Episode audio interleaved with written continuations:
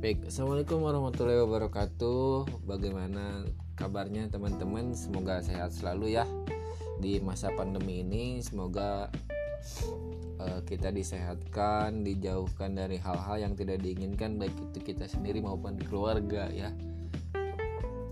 Ya mungkin untuk kesempatan kali ini Kita akan ngebahas revolusi industri. Apa sih revolusi industri itu? Nah oke okay, langsung saja yang pertama itu ada revolusi industri 1.0. Ini dimulai abad ke-18 oleh James Watt di mana pertama kalinya ditemukan mesin uap. Mesin uap ini digunakan untuk meningkatkan produktivitas masyarakat. Ya. Itu yang pertama. Nah, yang kedua, revolusi 2.0. Ini terjadi di akhir abad ke-19. Ditandai dengan ditemukannya energi listrik dilanjutkan dengan penemuan pesawat telepon mobil dan juga pesawat terbang yang memberikan perubahan yang sangat besar gitu kan bagi kehidupan umat manusia bagi peradaban manusia ini gitu. Yang ketiga itu ada industri revolusi industri 3.0 ini terjadi di akhir abad ke-20 ditandai dengan perkembangan semikonduktor dan proses otomatisasi industri, kemunculan teknologi digital dan internet yang menandai dimulainya revolusi industri 3.0.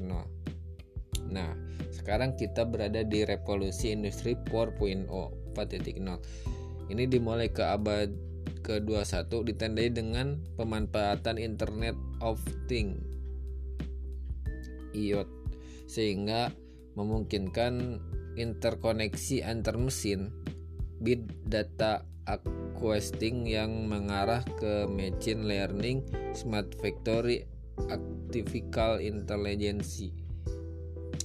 Nah ini ditandai dengan peradaban digital sekarang itu kan ya bagaimana arus informasi itu sangat berkembang pesat sekali gitu kan kita bisa update berita, update informasi yang uh cepat sekali namun dampaknya juga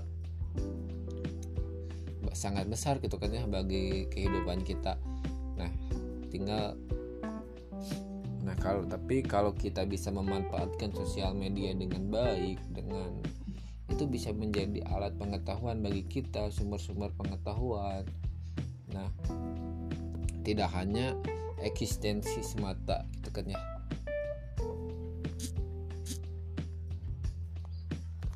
Nah mungkin itu tentang revolusi industri. Sekian dari saya, saya Iqbal. Wassalamualaikum warahmatullahi wabarakatuh